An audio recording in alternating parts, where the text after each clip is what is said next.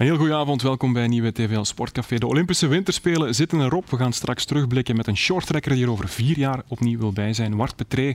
Maar eerst gaan we het hebben over voetbal en dat doen we met onze analist Stijn Stijnen en een Canari, Abu Koita. Welkom heren. Abu, je was afgelopen week ziek, waardoor je gisteren ook eh, niet in de basis startte uh, tegen Leuven. Hoe voel je je vandaag? Ben je terug fit? Uh, fit uh, nog niet 100%, maar uh, ja, ik voel me wel beter dan de afgelopen dagen. Ja, door jouw ja, afwezigheid deze week op training speelde Arnaud Donny, 17 jaar, die deed het goed. Was je blij voor hem? Want uiteindelijk is hij is een concurrent. Hè? Ik was zeker blij voor hem. ja, hij is een jonge gast en je ziet gewoon op training dat hij gewoon alles geeft. En hij heeft gewoon een grote toekomst voor zich als hij blijft werken. Jullie zagen hem komen op training? Ja. ja? Waaraan zie je dan dat? Is dat ook die mentaliteit die hij toont? Ja, gewoon die mentaliteit vooral en hoe hij in duels ja, hoe, hoe die zijn duels uh, aangaat. Ja. Je ziet gewoon dat dat een jongen is die gewoon zich voor 100% geeft. Ja, 17 jaar deed het goed, hè, Tony?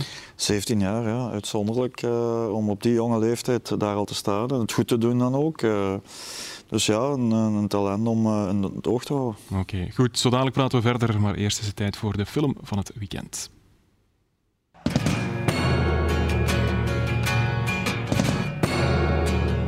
I told my team this is the final game for us. When we lose the game, we have to concentrate for the playoff two. Now we know this.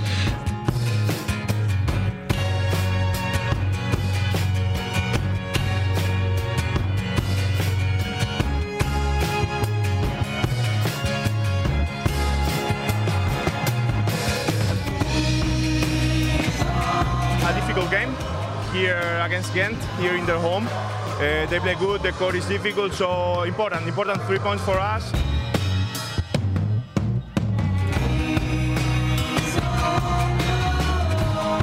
Ik weet wel wat er is gebeurd, maar het is zo snel gegaan en we zijn eigenlijk zo van de mat afgetikt dat ik eigenlijk gewoon niet zo goed weet wat ik moet zeggen.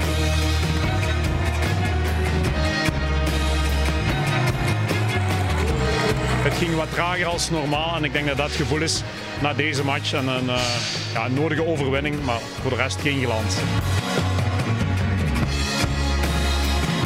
Unser Ziel haben wir jetzt relativ früh erreicht dieses Jahr. Das war auch mein Anliegen, dass wir dieses Jahr auch stabil sind. Wir waren nie in Trappel und da kann die Mannschaft stolz drauf sein. Ja, Abu 2-0 gewonnen tegen OH Leuven. Jullie zijn gered, hè? dat mogen we nu wel zeggen, hè, na gisteren. Ja, inderdaad. Ik denk uh, dat we het heel goed hebben gedaan. Zeker uh, als je 9 op 9 kunt uh, neerzetten. Ik denk dat we nu ja, quasi is van wedstrijd per wedstrijd te bekijken en elke wedstrijd proberen te winnen. Ja, hebben jullie dat een beetje gevierd in die kleedkamer? Wat moet ik me daarbij voorstellen? We hebben dat zeker gevierd. Hè. we hebben dat zeker gevierd. We zitten nu aan 37 punten. het is een mooi ja, totaal. Dus we gaan nu proberen gewoon geconcentreerd te blijven en het beste van onszelf te geven. Ja. Waar vieren jullie dat dan? Is dat uh, op staan zelf of is dat, is dat gewoon in de kleedkamer? Gewoon in de kleedkamer op staan zelf. Ja. ja. Je werd gewisseld uh, in minuut 92, denk ik dat het was. Je kwam in een minuut 55 voor Donny, die geblesseerd was. Hoe kwam het dat je er toch nog uitging? Was dat puur ik denk, Ja, dat was de coach zei tegen mij dat dat puur uh, tactisch was. omdat de grote jongens van hun meer naar voren kwamen. Dus ja, echt op lange ballen spel. Dus dat was puur tactisch. Ja, excuseert hij zich dan? Want dat is niet leuk hè, als je invalt en dan weer eruit moet. Dat klopt, dat is sowieso niet leuk, maar uh, ja, ik snap hem, het is gewoon tactisch, dus uh, pff, ik heb daar geen probleem mee. Ja, Stijn, pluim voor uh, Bernd Hollerbach met wat hij gedaan heeft, voor wat hij gedaan heeft bij STVV? Ja, vind ik wel. 37 punten, zes wedstrijden te gaan. Vorig jaar hadden ze een totaal van 38 punten. dus ja, redelijk snel, zoals de coach ook aangaf, redelijk snel zeker van de redding. Tenzij natuurlijk een uh, mirakel gebeurt met Serij. Maar ik zie die geen 15 punten meer halen. Dus uh, ja, en in moeilijke omstandigheden. Zeker op plaatsen. Als je het verhaal met Schmidt, met Pius uh, tegen ja. Charleroi hoort. En dan eigenlijk de, de wedstrijden daarna. Misschien heel goed dat de timing was van twee uitwedstrijden mm -hmm. nadien. Om toch wel wat rust te hebben. En dan die punten te pakken. Dus als je dan na zo'n situatie, een hetze. Uh, wat toch wel heel link was, gevaarlijk was, ja. dan toch die 9 op 9 prikt ja, dan, dan heb je het gewoon ook goed gedaan. En dan kan je nu heel onbevangen die strijd aangaan uh, voor, voor, voor play-off 2. Hè. Ik denk dat, dat ze daar nu vol aan meedoen, dat ze niet meer achteruit moeten nee. kijken. En ja, dan, uh, dan kan er veel, want er zit, er zit redelijk wat talent. Hè. Ja, daar komen we zo meteen op terug, op die strijd om play-off 2. Uh, even over Hollerbach. Wat voor iemand is hij? Want hij heeft jou ook wel gedwongen om van positie te veranderen, van, van je fysiek ook sterker te maken? Ja, klopt. Hij is gewoon een goede coach. ook een rustige mens. je kunt er gewoon mee, mee praten. En, ja, hij staat bekend om zijn fysieke ja. zeg maar. En ja, hij is gewoon een coach die echt op mentaliteit hamert. En het, het werkt. De Duitse school, hoe hard is hij soms op training? Ja, hij, is wel, uh, hij kan wel hard zijn. Je lacht, ja. hij kan wel hard zijn. Maar ja, ik vind hem gewoon een goede coach en een goede, goede persoon. Ja, je hebt lang moeten wachten vooraleer je echt in die ploeg kwam. Ook door die positie. Je bent de linksvoor, terwijl hij met fullback speelt, met een wingback. Um, heb je eigenlijk getwijfeld aan vertrekken in de winter? Ik, heb, ik, heb, ja, ik, ik ben hier net, ik, uh, ik, ben, ik, zit hier maar zes maanden, dus ik heb hier nog een contract van vier jaar. Dus aan vertrekken niet echt gedacht, maar gewoon, ja, ik wou wel speelkansen natuurlijk. Uh, maar ja, ik heb altijd gewoon uh, mijn best gedaan op training. En als ik mijn kans krijg tijdens de wedstrijd, probeer ik die ook te grijpen, maakt niet uit waar. Als de coach mij daar nodig heeft, dan sta ik er. Ja, maar je moet geduldig zijn, hè? wat niet evident is. Want je bent jong en je wilt spelen. Klopt. Ja. Hoe moeilijk is dat geweest? In het begin was het niet makkelijk, zeker. Was niet makkelijk, uh, maar ja, ik uh, probeerde gewoon uh, op training alles te geven. Meer kun je niet, niet doen. En wat ik gewoon in mijn hand heb, probeer ik gewoon ja, mee te doen. Ja, hij heeft, een, heeft het goed gedaan, hè, denk ik, op dat vlak. Ook om die hele flank nu voor zijn rekening te nemen. Ja, een groot verschil. Hè. Hij is, is een typische linksvoor, heeft enorm veel snelheid en dan wordt dat hedendaags gebruikt. Ja, goed, dat is een wingback. Maar ja, het, het, verdedigende aspect, dat is toch iets, iets heel nieuws, iets heel anders. Uh, vergt veel meer meters. Uh, het gevaar dat je dan ook wel wat frisheid mist uh, in, die, in die acties voorin. Ja, en we gaan eens kijken. Praat maar verder, Stijn, maar we gaan de beelden erbij halen, want hij heeft een paar mooie acties ja, Dat, is, dat vergt enorm veel. Hè. Je, je koppelt gewoon twee posities aan elkaar en, en dat vergt intelligentie, uh, die frisheid voorin, daar het nog afmaken. Ik vind het, ja, dat is een heel onderschatte positie, dat, dat vergt zoveel. Maar hij heeft die kwaliteiten, ik begrijp dat ook. Hè. Iemand met snelheid in het hedendaags voetbal, die flank kunnen afgaan, daar het verschil kunnen maken, dat heeft hij. Ik denk zelfs uh, voor meer als STWV. Ik denk dat hij echt een, eh, een talent is met die kwaliteiten om nog een stap uh, extra te kunnen zetten in Belgisch voetbal, misschien wel zelfs meer. Maar dan moet hij hard werken en, en, vooral die, die snelheid uh, blijven fine-tunen en, uh, en blijven gebruiken. En echt het verdedigende aspect 100% onder de knie krijgen. Want dat is een, een, een, werkpunt. Maar dat is ook niet meer als normaal als je een typisch linksvoor bent. En als hij die twee zaken perfect kan koppelen, dan is hij echt een, een, een, een kansmaker om, om, een nog grotere carrière te maken. Ja, voel je de appreciatie van het publiek? Want je bent wel echt iemand om, om smaakmaker te zijn hè, bij, een, bij een club. Ja, klopt. Zeker in het begin. In het begin was het moeilijk voor mij. Uh, ja, ik, uh, ik ben niet 100% toegekomen op de club ook. Maar ja, met uh, hard werken en ja, met de hulp van mijn ploeggenoten en de trainers is het gewoon beter geworden. En uh, de wedstrijden ook. En je ziet dat ook aan het publiek en die juichen toe. En ja, je hebt gewoon het publiek nodig als speler. Ja. Het geeft je vertrouwen en uh, het helpt je vooruit. Ja, zijn jullie bezig met het feit dat er zo weinig fans op staaien zitten de laatste maanden, de laatste jaren misschien zelfs? Ben jij daarmee bezig?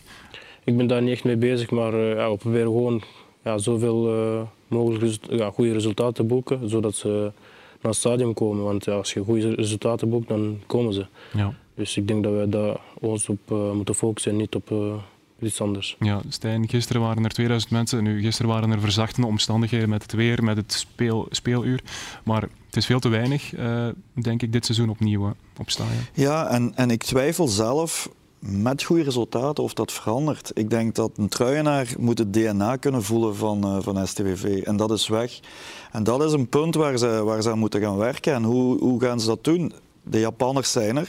De Japanse visie zal blijven, zolang dat die mensen daar aan, aan de macht zijn. Dus daar moeten ze een combinatie volgens mij gaan vinden. Dus door ook een Peter de Lorch daar terug in te gooien, waar mensen zich echt mee uh, gaan vereenzelvigen. Mm dat, is, dat is wat een truienaar ziet. En op het moment dat dat, dat, dat helemaal wegvalt, dan zie je dit nu gebeuren. Hè. Ik, ik, ik, vraag me af, echt af als je in het centrum van, STV, of van Sint-Truiden gaat wandelen en je vraagt aan de mensen, noem vijf spelers van STV, dat dat, dat heel moeilijk wordt. Ja.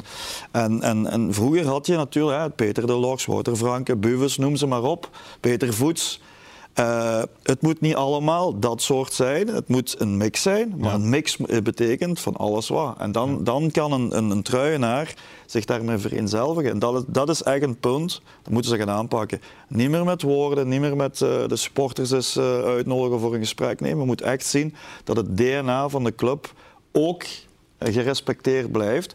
En dat kan perfect samen met, uh, met de Japanners. Ja, er is één man die zijn best doet om uh, de supporters naar het stadion te halen. Dat is deze. Kijk maar eens op deze beelden. Wat gebeurt hier? Amin Al-Dakil komt in voor een Abu Koita. En wat gaat Abu Koita doen? Gisteren Voilà, meteen shirt signeren tijdens de wedstrijd, Abu. Mooi beeld, hè? Ja, zo'n mooi beeld. Uh, ja. Wat gebeurde daar?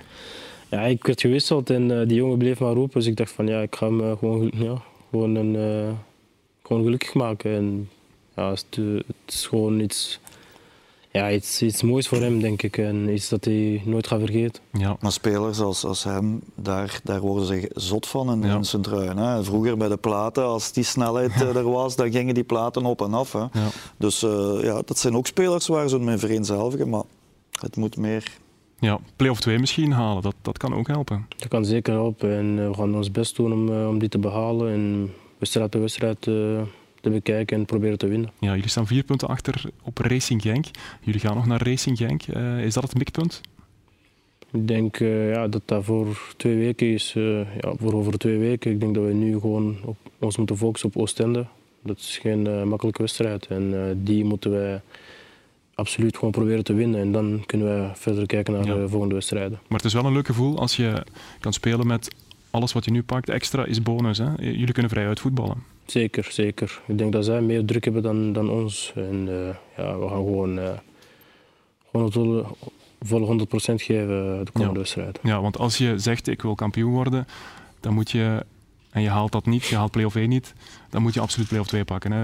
Het zal met het mes op de keel zijn bij Racing Genk uh, voor de rest van het seizoen. Ja, die druk wordt uh, nu gigantisch. Hè. Ik denk, uh, ze hebben lang ze hebben een goede remonte gehad, vond ik, met, met, met Stork. 19 punten op 33 nu is op zich niet dramatisch. Maar ja, deze match tegen Anderlecht hadden ze moeten, hadden ze moeten nemen om, om mee te doen. Dat verliezen ze. puntenafstand wordt veel te groot.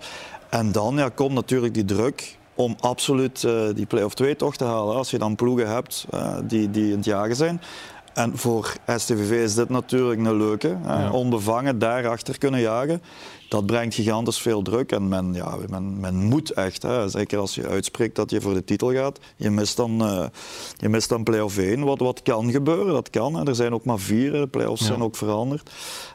maar dan is is uh, play-off 2 absoluut een, uh, een, een must. Hè. Daar ja. kunnen ze niet om. Racing Genk won afgelopen woensdag ruim van KW Mechelen. En toch wisselt Bernd Stork op zes posities. Uh, jij bent een trainer, leg dat eens uit, want ik begrijp het niet. Ja, ik begrijp dat ook niet. je, kan, je kan zeggen, je moet roteren omdat je op, op bepaalde fronten nog actief bent, maar ja, je speelt niet meer in Europa, je speelt niet meer voor de beker van België, je speelt enkel nog die, die Belgische competitie. Dan, dan, dan ben je in die tweede ronde, moet je je geheel laten staan. Iets wat loopt, moet je dan niet meer veranderen. Ik zie daar totaal geen meerwaarde in. Een kleedkamer reageert daar ook helemaal niet goed op. Dus dat is een, een vorm van, oké, okay, iedereen wou willen geven, maar dat werkt niet. En als je dan 4-1 wint, je gaat dan naar Anderlecht, oké, okay, laat, laat, dat, laat dat geheel zo goed mogelijk staan. Dat, zit in, dat heeft vertrouwen, dat zit in een flow. Ja, dan creëer je toestand. En dan creëer je ook dat wij hier nu over praten. Hè. Dan, dan ja. leg je de druk ook zo groot bij die andere, andere jongens. Ja, die verliezen dan. En wat ga je dan nu de volgende ja. dagen doen?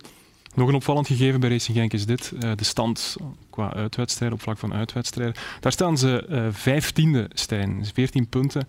Enkel Zulte Waregem, Serrain en Beerschot doen slechter. Wat moeten we hieruit concluderen? Ja, de reden dat je, dat je het, het niet gehaald hebt dit jaar. Hè. Je moet, uh, als, je, als je een topploeg bent, dan moet je thuis je wedstrijden winnen. En uit zo weinig mogelijk verliezen en regelmatig ook eens gaan winnen. En dat doen ze niet. En dan dan krijg je zo, zo'n tussenstand. Hè. En dan, uh, ja goed, dan, dan haal je het gewoon niet. Hè. Het, is, het is altijd van moeten als je de top wilt, uh, wilt spelen. En dat is, dat is moeilijk. En daarom ook ja, dat je zo zoveel mogelijk op een, op een geheel moet terug kunnen vallen. Iets wat, wat staat. En ga je beginnen wisselen, ja, dan creëer je wanorde en dan creëer je ongelukkigheid. Uh. Oké. Goed. Abu, wat voor iemand is Shinji Kagawa in de kleedkamer? Hij is gewoon een aangenaam persoon, uh, heel vriendelijk. Uh, ja, probeert uh, ons te helpen, zeker de jonge gasten. En het is iemand waar we veel van kunnen leren. En ja, pak zijn advies gewoon. Ja. Wat heb je al bijgeleerd van hem in die enkele weken dat je met hem traint? Ja, gewoon dat hij gewoon echt een ja, rustige man is. Dat ik, de, ja, ik had het niet verwacht. Hij is gewoon echt een vriendelijke man. Je kan over alles met hem praten. En uh, op het veld zie ik ook gewoon dat hij gewoon ja, heel veel kwaliteit heeft, tweevoetig, uh, veel rust aan de bal vooral. Dat merk ik echt uh, op. Veel rust aan de bal. En Verwacht je dat hij zijn stempel nog echt gaat drukken op, op deze ploeg de komende weken, maanden, misschien jaren? Ja, wie weet. ik denk dat dat zijn doel is. Hij is hier gewoon met een doel en we, gaan, als, ja, we gaan hem proberen te helpen daarmee. Ja, Stijn, over die Japanners is altijd al heel veel gezegd. Er komen er veel naar, naar Staaien, naar Sint-Truiden. Maar ze brengen wel altijd kwaliteit, hè? of toch de meeste daarvan. Af en toe zit er wel eens een, een, een misser in, maar als je de namen bekijkt, Tomiyasu, Kamada, Suzuki, nu Hara en, en Hayashi doen het ook weer goed. Dat is toch wel een meerwaarde. Absoluut, en niet verwonderlijk als je, als je hun mentaliteit kent. Dat zijn werkers, die hebben discipline en, en kwaliteit. Dat zijn, dat zijn echt jongens die blijven gaan. Hè. Ik herinner me met de nationale ploeg, de Kirin Cup, uh, stonden 4-0 voor uh, en die bleven tot de 95 minuten lopen, lopen, lopen. Dus dat, en dat gekoppeld dan met, met talent. Dus het kan echt wel werken op, op Sint-Truiden. Ik ben ja. ervan overtuigd dat, dat een truinaar dat ook uh, accepteert als daar meer balans is rondom. En dan, uh, ja, goed, dan gaat dat project uh, echt nog meer kans op slagen hebben. Maar nu is het, het zit niet goed. En, en, en, het, is, het is pijnlijk om dat te zien eigenlijk op de tribunes. Het doet altijd pijn als je die overkant ja. ziet, zo weinig ja. volk. Hè. Wat, wat ik daar wel over wil vragen, die Japanners, Jij zit in die kleedkamer, heb je soms het gevoel dat dat een klan is waar het, waar het moeilijk is om daarin in te dringen in die, in die groep? Nee, niet echt. Uh, ja, ze, zijn, ze, spreken niet allemaal Engels, dus het is niet makkelijk om met hen uh, te communiceren, maar ze doen hun uiterste best om Engels te leren. Je ziet ook gewoon ja, dat ze gewoon moeite doen en ze proberen gewoon te, te communiceren met ons. En ja, het zijn gewoon lieve mensen en ja, ik heb daar geen enkel probleem mee. Ze vormen echt geen klan. Oké, okay, goed. Zaterdag Oostende, de laatste vraag. Daar winnen is echt meedoen voor play-off 2? Zeker, zeker. We hebben nu 37 punten. Als we daar winnen, is het gewoon een boost om ja, door te doen en uh, elke wedstrijd uh, te winnen dan. Okay. En die jacht op Racing Genk kan ook de truienaar weer wakker maken, want daar ja. houden ze natuurlijk van, daar ja. smullen ze van. Hè. Ja, extra motivatie. Goed, Abu Koita, ik ga jou bedanken voor jouw komst. Veel succes de komende weken bij STVV. Wij gaan verder met wintersport.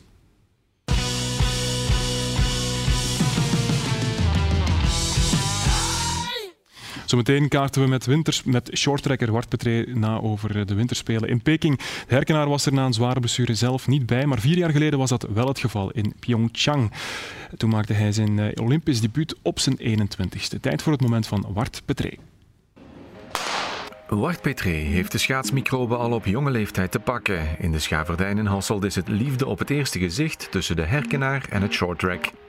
Petré was naar eigen zeggen geen uitblinker bij de junioren, maar wordt wel geselecteerd voor het B-Gold project, waarna de eerste resultaten snel volgen. Ik denk rond mijn, mijn 19, 20ste ongeveer dat ik echt wel kwalificaties gehad heb voor het EK en dan top 9 gehaald heb, top 10 gehaald heb twee keer. En dat het echt wel duidelijk was van oké, ik kan hier echt wel meer in. En vooral ook in, in de, de relay of de estafette. Ja. Daar bleek het echt wel dat ik een, een, vaste meerwaarde was, omdat ik echt een hele sterke duw heb en ook een heel stabiele laatste ronde om de, om de finisher af te leveren. Dus dat was wel mijn sterkste punt. Op de vier wereldbekers voor de Spelen moet Petré zich proberen kwalificeren voor Pyeongchang. Hij ligt in balans met de één jaar jongere Stijn de Smet. In België was het gewoon zo, ja, de hoogst gerangschikte op een wereldbeker op de afstand die gereden wordt, die mag gaan. Uh, ik geloof dat ik toen ergens een meevaller had, dat er mensen uh, een penalty viel in de rit, dat ik net ene kon opschuiven, die botste en zo, ja, zoals in het short wel vaker gebeurd. En ik zat ook gewoon goed in die rit en daar schoof ik dan net één ronde verder. Daarmee werd ik, ik denk, 6 of 27ste. En mijn tegenstrijder Stijn toen, uh, die ook al veel punten had gehaald, die was toen 8 of 29. Dus ik had één of twee plaatjes, maar echt met een meevaller, één of twee meer plaatjes meer gekregen. En ja, dan was ik geselecteerd voor die Spelen. Als voorbereiding op de Spelen trekt Petré met het Belgisch team naar de States. We zaten toen in Salt Lake City in Amerika, dus die voorbereiding was wel redelijk ideaal. Uh, we trainen toen echt voltijds met het nationaal team mee en, en ja, met grote idolen van mij, J.R. Selski. en van die, van die man leren, dat was echt wel gewoon indrukwekkend ook. En ja, die voorbereiding was redelijk goed. Begin februari 2018 vertrekt Petré naar Zuid-Korea. Ja, dat is, dat is gekheid eigenlijk. Hè. Zo spelen, dat ineens is er echt langs alle landen en alle kanten media aandacht. En, en ineens wordt het echt wel duidelijk van oké, dit is echt wel een van de grootste events uh, ter wereld. Want ja, het gebeurt maar één keer om de vier jaar. En dan komt even wel zo het besef binnen van oké, ja, het is hier echt wel, wel heel serieus. De omstandigheden liggen hier mij wel heel goed. Uh, het is goed ijs, de, de, baan ligt heel goed. Uh, dus ja, het bevalt me wel echt heel hard hier. Dus uh, ik heb er wel echt zin in om uh, te beginnen schaatsen. Ja. Op de 1500 meter is het lot de herkenaar niet gunstig gezind. Ik zat met een hele zware rit. Ik denk dat ik de, de nummers, uiteindelijke nummers 3, 4 en 5 in mijn rit had. Dus en kwalificeren was bij de eerste drie, dus dat was al echt een moeilijke opdracht. Plus dan ook, ik zat dan een beetje van achter in het pak en daar werd er zo wat gedrankt en geduwd. En ik werd dan ergens half ingehaald, een beetje uit de baan geduwd. Waardoor ik dan ook nog eens het gat verloor met, met de drie, vier kopmannen. Nu had ik zo'n beetje het gevoel van ja, ik ben er hier gekomen en nu lijk ik zo'n beetje de, de sukkel die er maar gewoon één ritje komt rijden en klaar. Terwijl, terwijl het er wel iets meer in zat, denk ik. De Spelen van Petré eindigen dus in de reekse, maar het Olympisch verhaal is voor hem nog niet afgesloten omdat die, die niet echt tevreden was met mijn, met mijn rit, wou ik toch wel zo eh, een beetje gebrand op, uh, ik wil een beetje redemption hebben, ik wil nog eens uh, een beetje mezelf goed doen. Uh, dat is dan deze keer niet gelukt. Dat is, is en blijft sport. Maar ik zit nog altijd wel zo met een beetje die, die dingen van ik wil mezelf toch nog wel bewijzen dat ik net iets beter kan dan dat ik vier jaar geleden gedaan heb. Ja. En intussen zit hij aan onze tafel. Welkom Wart Petré. Wart, de voorbije weken is het zwaar geweest om naar die Olympische Winterspelen te kijken.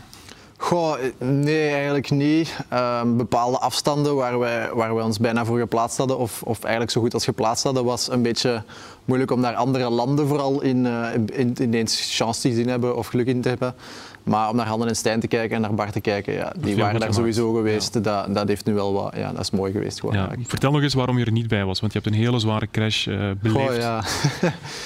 uh, december 2020 uh, hebben Adriaan en ik een zware crash meegemaakt in Hasselt uh, door de, ja, een niet zo beveiligde baan. Uh, niet zoals het zou horen. Dus we hebben daar echt een, een soort horrorcrash meegemaakt. Uh, Adriaan is met zijn ja, een, een, een ongelukkig inhaalmanoeuvre, denk ik. We weten het zelf eigenlijk ook nog altijd niet goed. Uh, met tweede matten ingegaan en uh, Adriaan zijn rug op mijn schaats geland. Uh, dus Adriaan zijn rug lag helemaal open. Dat was 20 centimeter snee en daar het bloed eigenlijk letterlijk aan uit. En mijn voet was echt gewoon, die, die hing daar wat aan te bengelen blijkbaar. Dus, ja, en bleek dat ik later ook nog een open botbreuk had, maar dat wist ik op die moment nog niet. Dus ja, uh, moraal van het verhaal was gewoon echt een zware horrorcrash waarbij ja, de, de jeugd van de club in Asselt aan de coach vroeg van ja, kan dat met ons ook gebeuren? Ja, en, en ja, dat heeft echt wel overal impact gehad. Ja. Dus ja, het was echt wel, uh, dat gaan we niet nog eens doen denk nee, ik. Nee. Nee, Hoe gaat het vandaag met jou? Uh, best goed. We zien wel over ja, bijna een jaar revalidatie zien we wel echt progressie. Uh, en de progressie blijft ook komen. Het is niet dat ik aan het stagneren ben of zo, dat het, dat het ineens uh, vastloopt. Dus we zien elke maand wel echt progressie. Dus dat is wel echt nog altijd een houvast eigenlijk. Heb je nog last van die, van die horrorcrash als je schaatst? Goh ja, mijn, mijn voet blijft ja, gaat zo blijven en dat is nooit meer 100%. Dus ja, best morgens bij het opstaan heb ik wel zo wat een stijve voet. Of, of ja, ik heb soms wel wat last met bepaalde bewegingen, maar over het algemeen schaatstechnisch en schaatsgericht kan ik hem wel een, een weg in banen. Ja. ja, maar je wordt terug competitief. Je kan terug meedingen naar... Ja, ja, ja ik ben al uh, terug heel competitief. Ja. ja. Altijd blijven geweest. De reden was een, een onbeveiligde baan. Wat, een, wat moet niet, ons daarbij voorstellen? Niet goed beveiligde baan. Dus uh, ja, er zijn ISU-reglementen. Ik ken ze zelf ook niet van buiten, dus uh, voor de coaches. Maar uh, in Hasselt hebben we dus geen boardingloze baan. Dus als wij naar bijvoorbeeld wereldbekers gaan kijken, daar staan de matten uh, zonder boarding, zonder hockeyboarding. Dus als je daar met twee of met drie de matten in gaat, ja, dat gaat gewoon een meter verder en die ja. impact wordt gewoon geabsorbeerd.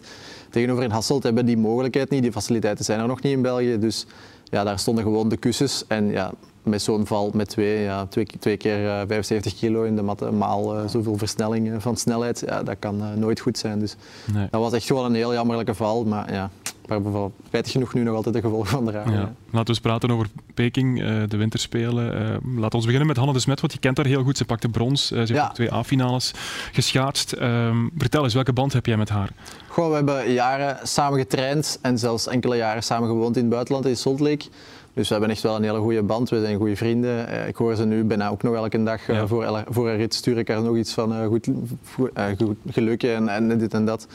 Dus ja, dat is wel een goede band. En ik ben gewoon echt heel blij dat ze vooral heeft laten zien aan, aan België dat zij consistent kan schaatsen. Want ja, ze is drie keer in de top 5 gera- geraakt.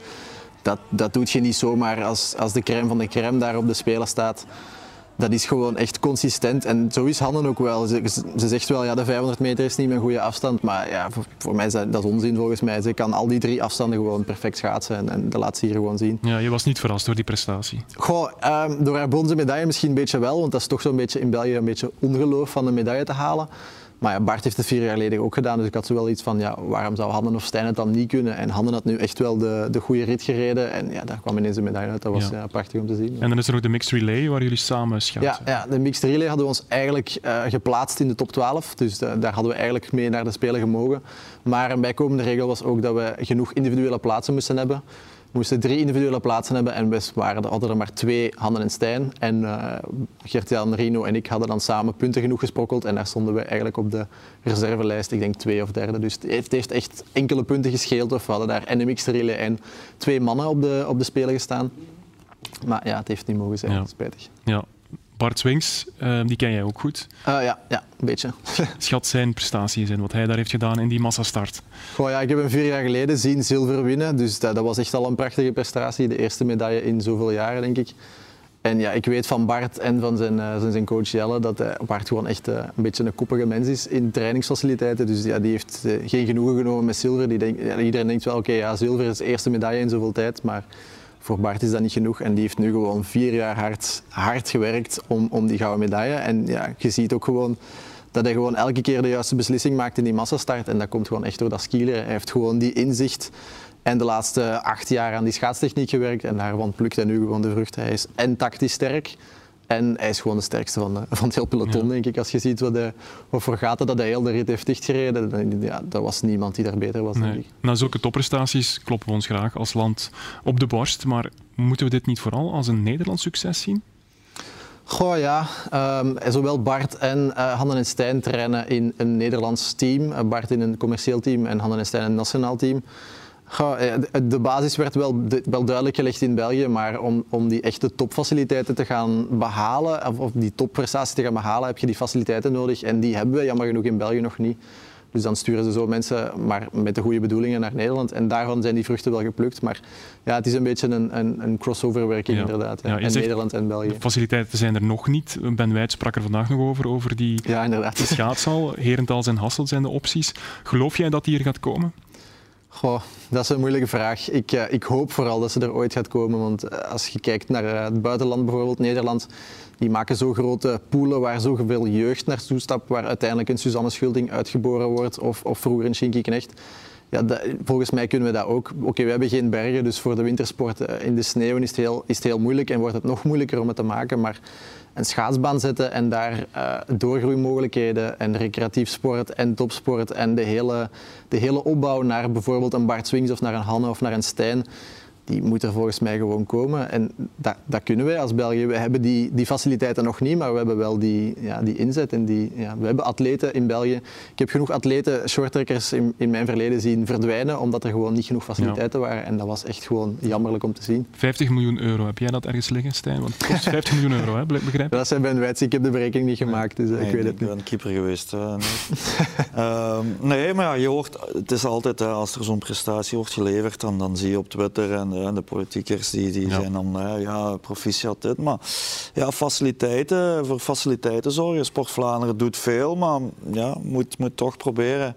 Als je, als je hoort dat er geen 400 meter baan in- Ja. in België is, ja, Swings die daar ook onmiddellijk over begon. Dus dat is een, toch een gegeven wat Ja. leeft. De vraag is, is, is België een even groot schaatsland als Nederland? Ja, is dat door de faciliteiten die er zijn? Ja, voilà, Of- ja. ja, dus die, die schaatscultuur eh, is, is bij ons niet zo groot als daar.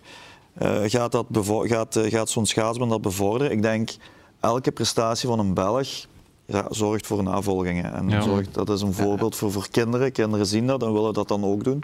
Dus ja, men moet, men moet daarin investeren en, en zorgen dat die atleten niet de grens over moeten en hierin kunnen ontwikkelen. En ja, daar, daar, moet, men, eh, daar moet men geld voor vrijmaken. Veel meer als, als populaire tweets eh, versturen, vind ik. Ja, ja, natuurlijk. Eén kijker eh, vroeg zich af wat het verschil is tussen het ijs hier in België en in het buitenland. Is daar veel verschil tussen? Eh, ja, als we kijken naar de goede banen in het buitenland, dan is er wel degelijk heel veel verschil in. Eh, heel veel banen, bijvoorbeeld, eh, ik ken u een voorbeeld in Calgary, is de universiteit verbonden aan de schaatsbaan zelf. Dus daar gebeuren eigenlijk onderzoeken naar de samenstelling van het water en voor de lange baan en voor shorttrack, want dat zijn verschillende watersamenstellingen. En dan ook nog eens over ja, hoe, hoe fel vriest je het ijs aan, hoe warm maakt je de hal, daar daar is heel groot verschil in. En ik zeg het, in België hebben we gewoon nog een beetje de, de oude faciliteiten van, van de jaren 90. Toen was dat best goed ijs, maar ondertussen zijn we zo ver gevorderd in beide sporten, in lange baan en shorttrack, dat die, ja, die wetenschap komt daar gewoon zoveel bij kijken. Daar, daar kunnen wij nog niet aan tippen. Dus bij ons blijft het zo wat, ja, het is eigenlijk voor ons, voor onze standaarden voor shorttrack is het een beetje slecht ijs, maar het is eigenlijk gewoon degelijk ijs. Maar als je dan kijkt naar Calgary of, of, of nog maar Heerenveen, een beetje de grens over, die, die wetenschap komt daar gewoon zoveel meer, meer bij kijken dat dat ja, gewoon beter ijs is en sneller ijs inderdaad. Ja, allemaal interessant. We praten zo dadelijk verder. Maar eerst gaan we even terug naar het voetbal.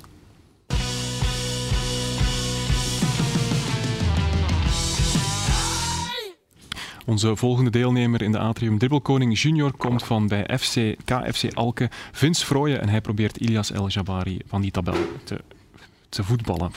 Tijd voor de volgende deelnemer in de Atrium Dribbelkoning Junior.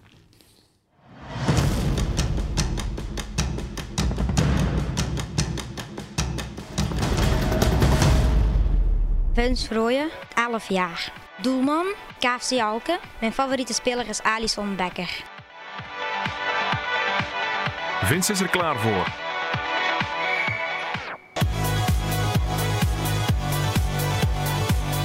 En we zijn onderweg. We gaan richting de kegels.